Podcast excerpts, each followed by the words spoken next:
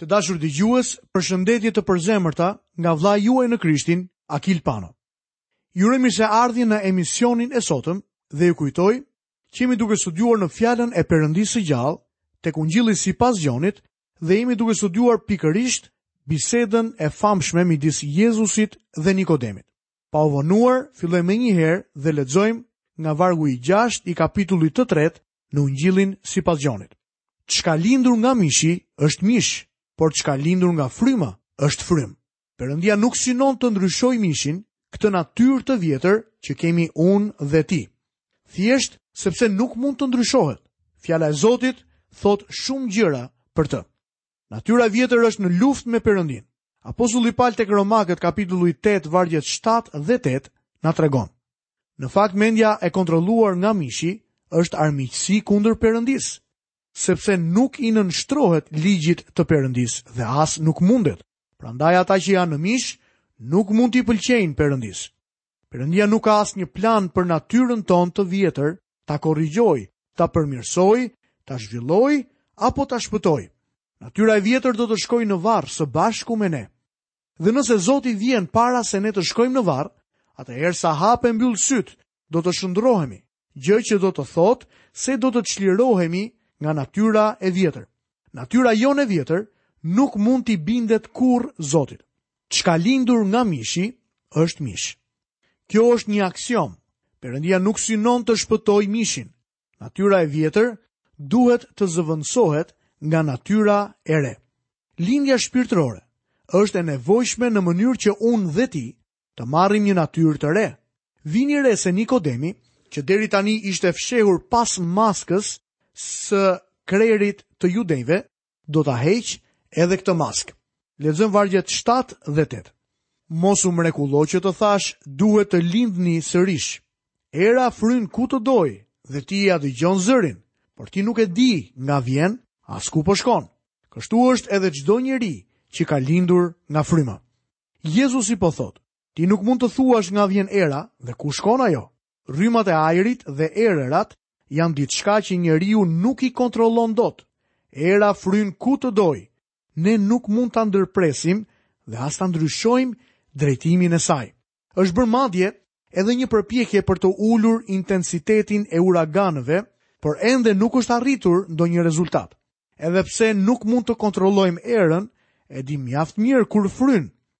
Unë dhe ti mund të jemi duke ecur në rrugë dhe ti mund të më thuash, po fryn erë, unë përgjigjem, nga e di, dhe ti mund të më thuash, shikoje atë pemën atje, shih se si lëvizin gjethet, dhe shiko se si lëkundet pema. Ne mund ta dimë se kur është duke fryrë erë. Miqtë e mi, të them të drejtën, nuk e di se si t'jua përshkruaj lindjen shpirtërore. E di që ka shumë libra të botuar që pretendojnë ta shpjegojnë atë, por ndryshimi midis atyre autorëve dhe meje është se ata me sa duket nuk e pranojnë faktin që nuk dinë, ndërsa unë jam i gatshëm të pranoj që nuk e di. Era fryn ku të dojë dhe ti ia dëgjon zërin, kështu është çdo njeri që ka lindur nga fryma. Edhe pse nuk e kuptojmë këtë, ajo ilustron mënyrën se si një person është i rilindur nga fryma.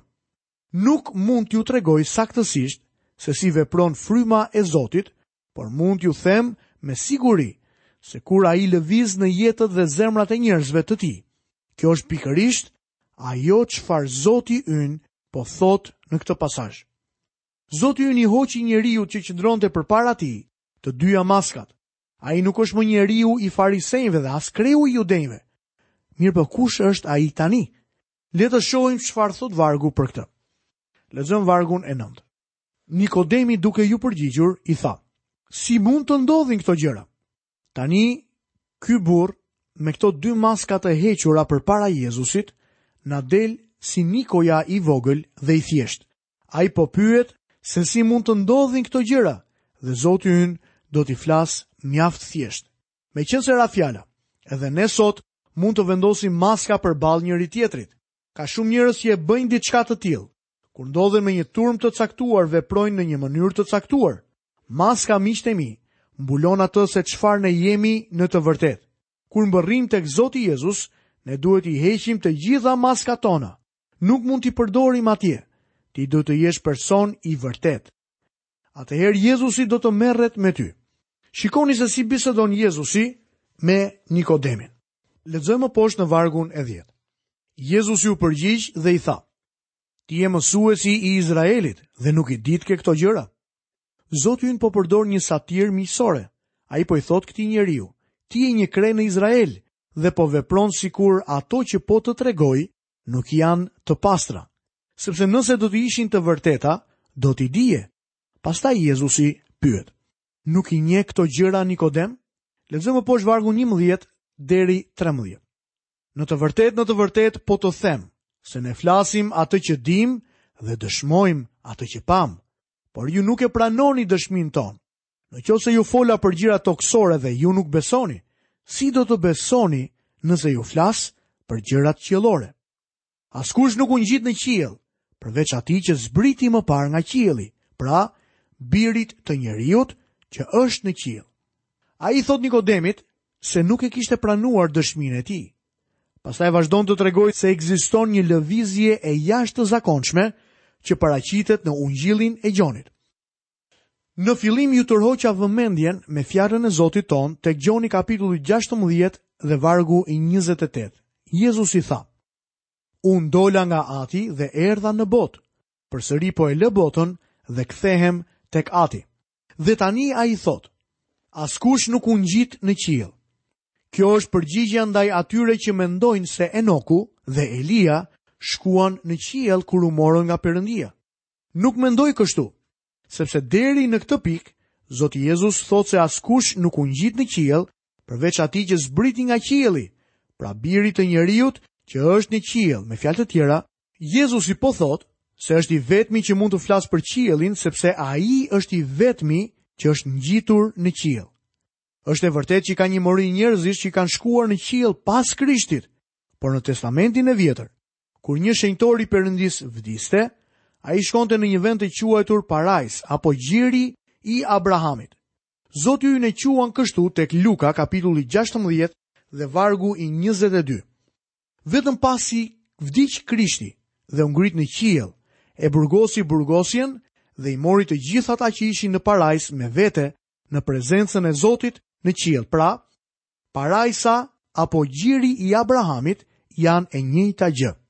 Të gjithë individët që u klasifikuan të drejtë për shkak të besimit në Dhiatën e vjetër, ruheshin në këtë vend të quajtur Parajsë apo gjiri i Abrahamit. Parajsa apo gjiri i Abrahamit nuk ishte qielli. Jezusi Pasi vdiq, shkoi në këtë vend dhe ngriti prej vendi pra parajsës apo gjirit të Abrahamit. Lexojmë vargun 14 dhe 15. Dhe ashtu siç Moisiu e ngriti lart gjarprin në shkretëtirë, kështu duhet të ngrihet lart biri i njeriut, që kushdo që beson në të, të mos humbasë, por të ketë jetë të përjetshme. Kur Moisiu e ngriti gjarprin prej bronzi lart mbi një shkop, për shkak të gjykimit të Zotit mbi mëkatet e njerëzve, gjithçka që duhet të bënin njerëzit për t'u shëruar ishte vetëm që ta shikonin. Në të njëjtën mënyrë se si e ngriti Moisiu gjarprin, kështu do të ngrihet edhe Krishti. Gjarpri përfaqësonte mëkatin e njerëzve. Krishti u bë mëkat për ne në kryq, e theksoj. U bë mëkat, jo bëri mëkat.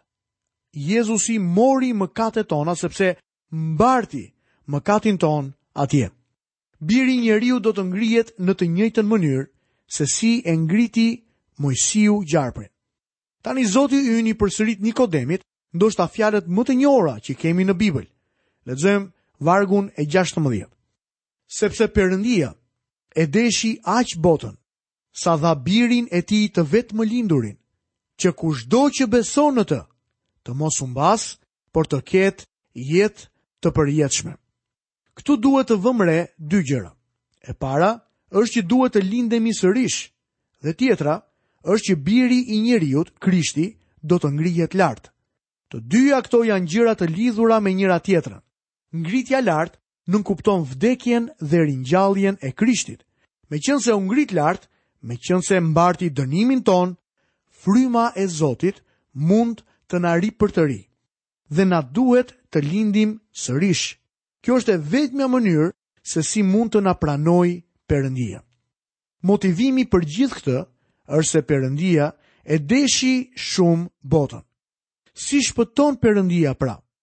Perëndia shpëton me anë të hirit, sepse Perëndia e deshi aq shumë botën, saqë dha birin e tij të vetëmlindurin, që kushdo këtu mund të shkruani emrin tuaj miku im, që beson në të, të mos humbasë, por të ketë jetë të përjetshme. Vini re pas foljes beson, ndodhet parafjala në, që do të thotë të besosh në Krishtin, domethënë Ne i besojmë Krishtit si personit të vetëm që mori dënimin e mëkateve tona. Kjo është diçka personale. Gjithsecili prej nesh duhet të besojë që Jezusi vdiq në vendin tonë për ne. Miku im, ti duhet të besosh që Krishti vdiq për ty. Lexojmë më poshtë vargjet 17 dhe 18. Sepse Perëndia nuk e dërgoi birin e vet në botë që ta dënojë botën, por që bota të shpëtohet prej tij. Ai që beson në të nuk dënohet, por ai që nuk beson tashmë është dënuar, sepse nuk ka besuar në emrin e birit të vetëmlindur të Perëndisë. Këtu shohim se kur erdhi herën e parë, Jezusi nuk ishte gjykatësi i kësaj bote. Ai ia bëri këtë shumë herë të qartë njeriut që donte që Jezusi të jepte një gjykim për atë dhe vëllanë e tij. Tek Luka 12, vargu i 14, gjejmë të dokumentuar këtë shkrim. Ai i tha: O njeri, kush më vuri mua gjykatës ose ndarës përmbi ju? Pra herën e parë, Jezusi nuk erdhi si gjykatës, por tani po thotë se Perëndia nuk e dërgoi atë në botë që ta dënojë botën, por që bota të shpëtohet prej tij. Kush nuk beson në të, është i dënuar. Miqtë e mi, nëse nuk besoni në Krishtin, tashmë jeni të dënuar. Pse? Sepse nuk keni besuar në emrin e birit të vetëmlindur të Perëndisë. Ky emër i mrekullueshëm është Jezus. Emri i tij është Jezus sepse është shpëtimtari i vetëm i botës. Kushdo që do të besojë në këtë emër nuk është më nën dënim, por ka jetën e përjetshme. Mbani mend që Jezusi është duke folur me Nikodemin, me një farise. Farisenjtë besonin se kur të vinte Mesia, ai do të ishte një gjykatës. Testamenti i Vjetër paraqet dy aspekte të ardhjes së Mesias. Aspekti i parë ishte ardhja e tij si shpëtimtar, ardhja e tij për të vdekur dhe për të paguar një dënim. Aspekti i dytë ishte ardhja e tij si gjykatës. Ata arsyetonin se Mesia, kur të vinte, do të ishte një gjykatës, sepse ky ishte një nga aspektet që paraqiste Testamenti i Vjetër. Në psalmin e dytë dhe vargun e nëntë lexojmë: Ti do t'i copëtosh me një shufër hekuri. Danieli gjithashtu flet për Jezusin si gjykatës të të gjithë botës. Psalmi 45 flet që Jezusi do ta sundojë botën me drejtësi, dhe Isaia kapitulli 11 dhe në kapitullin 42 flasin për gjykimin e tij në drejtësi. Zoti Jezus po ia bën shumë të qartë Nikodemit se Perëndia nuk e kishte dërguar këtë herë birin e tij për të gjykuar botën, por që bota të shpëtohej nëpërmjet tij. Fjala botë në greqisht është fjala kozmos, që do të thotë se qëllimi shpengues i Perëndisë përqafon të gjithë botën. Ai nuk erdhi për të dënuar apo gjykuar botën, por Jezusi erdhi për ta shpëtuar atë. Në Krishtin nuk ka dënim. Ata që nuk janë në Krishtin tashmë janë të dënuar. Ka shumë njerëz që mendojnë se bota ndodhet në një gjyq sot. Në fakt jo. Bota është e humbur. Unë dhe ti jetojmë në një botë të humbur dhe nuk kemi pse presim deri në gjykimin përfundimtar për të parë nëse jemi apo jo të tillë. Pozicioni ynë është si pozicioni i një personi që ndodhet në një burg dhe pyetet nëse do ta pranojë apo jo faljen. Ky është ungjilli. Miqtë e mi, ungjilli nuk i tregon njeriut që është në gjyq. Ai tashmë është i dënuar. Ai është tashmë në burg duke pritur për ditën e ekzekutimit. Por ungjilli i tregon atij se i ofrohet një falje. Çështja qëndron nëse individi do ta pranojë apo jo faljen. Sa e qartë dhe e mrekullueshme që është kjo gjë. Ungjilli i lavdishëm i Zotit tonë është për të shpëtuar të gjithë. Lexojmë më poshtë vargjet 19 deri vargun 21. Tani gjykimi është ky. Drita erdhi në botë dhe njerëzit deshën errësirën më tepër se dritën, sepse veprat e tyre ishin të mbrapshta. sepse kushdo që bën gjëra të mbrapshta e urren dritën dhe nuk vjen tek drita, që të mos zbulohen veprat e tij. Por kush bën të vërtetën, vjen tek drita, që veprat e tij të zbulohen, sepse u bënë në Perëndinë. Ky është gjykimi i botës. Pikërisht në ditën që bota kryqëzoi Krishtin, bota mori një vendim. Tani ajo duhet të gjykohet nga Perëndia. Dënimi, gjykimi, është se drita erdhi në botë, por veprat e njerëzve ishin të mbrapshta dhe ata deshën më shumë errësirën. A e dini që minjtë vrapojnë gjithmonë për tek një cep i errët nëse drita hyn në dhomë? Sot mora një letër nga një vajzë e cila thoshte se para se të shpëtohej, ajo nuk donte t'ia dinte për programin tonë të mësimeve të Biblës. Sigurisht që ajo nuk e donte dritën, Vetëm ata që kthehen te Krishti e duan dritën. Vini re se në këtë varg Zoti ynë trajton kaq shumë gjëra nga pikëpamja negative. Sepse kushdo që bën gjëra të mbrapshta e urren dritën dhe nuk vjen tek drita që të mos zbulohen veprat e tij. Ne sot dëgjojmë për fuqinë e mendimeve pozitive. Më besoni miq, ka fuqi të madhe edhe në mendimet dhe në të folurën negative. Dëgjoni se çfarë tha tjetër Jezusi. Unë nuk erdha për t'i thirrur të drejtët, por mëkatarët për pendim. Dhe se Biri i njeriut nuk erdhi që t'i shërbejnë, por për të shërbyer dhe për të dhënë jetën e tij si çmim për shpengimin e shumë vetëve.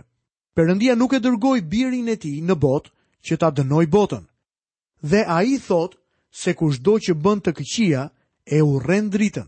Drita dhe e vërteta përdoren në të njëjtën mënyrë.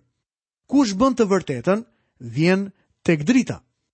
Gabimi dhe errësira janë gjithmonë në kontrast me dritën dhe të vërtetën. Kjo gjë përfundon bisedën e Jezusit me Nikodemin. Le të shohim dëshminë që jep Gjon Pagëzori. Lexojmë në kapitullin e 3 të Ungjillit të Gjonit, nga vargjet 22 deri 24. Pas këtyre gjërave, Jezusi erdhi me dishepujt e vet në tokën e Judesë dhe qëndroi aty bashkë me ta dhe e pagëzonte. por edhe Gjoni pagëzonte në Enon, afër Salimit, sepse aty kishte shumë ujë dhe njerëzit vinin dhe pagëzoheshin sepse Gjoni s'ishte hedhur akoma në burg. Në këtë kohë, Gjoni akoma predikonte. Mbretëria e Zotit po afrohet. Pas tundimit të Jezusit, Gjoni u fut në burg. Ungjilli tjetër na e tregon këtë gjë. Lexojmë më poshtë nga vargjet 25 dhe 26. Atëherë lindi një diskutim ndërmjet dishepujve të Gjonit me judenjtë rreth pastrimit. Kështu erdhën tek Gjoni dhe i thanë: "Mësues, ai që ishte me ty përtej Jordanit, për të cilin ti bëre dëshmi, ja ai pagëzon dhe të gjithë shkojnë tek ai. Kjo është një deklaratë mjaft interesante. Mund të them që dishepujt e Gjonit janë xhelozë. Ata po i sugjerojnë të mos e përmendë më emrin e Jezusit. Mendojnë se do të ishte më mirë po ta bënte këtë. Pastaj ata lanë të kuptohet se nuk duhet të kishte dhënë dëshmi për Jezusin, sepse të gjithë po shkojnë tek ai.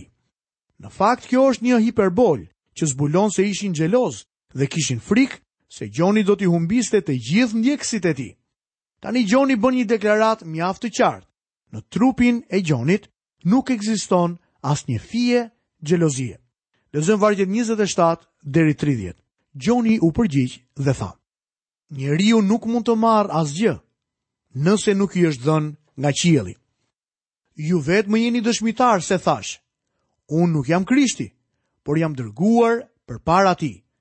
Ai që e ka nusen është dhëndri, por miku i dhëndrit, që është i pranishëm dhe e dëgjon, gëzohet shumë për zërin e dhëndrit, prandaj, ky gëzimi im është i plotësuar, ai duhet të rritet dhe unë të zvogëlohem. Askush nuk mund t'i shmanget forcës së jashtëzakonshme të kësaj deklarate. Gjon Pagëzori është profeti i fundit i Testamentit të Vjetër. Ai në fakt nuk është në kishë.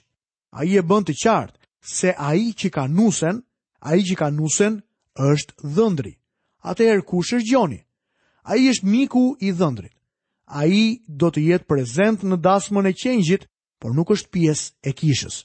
Ai është profeti i fundit i Testamentit të Vjetër dhe që del nga faqet e testamentit të vjetër dhe hyn në faqet e testamentit të ri për të shpallur ardhjen e Mesisë.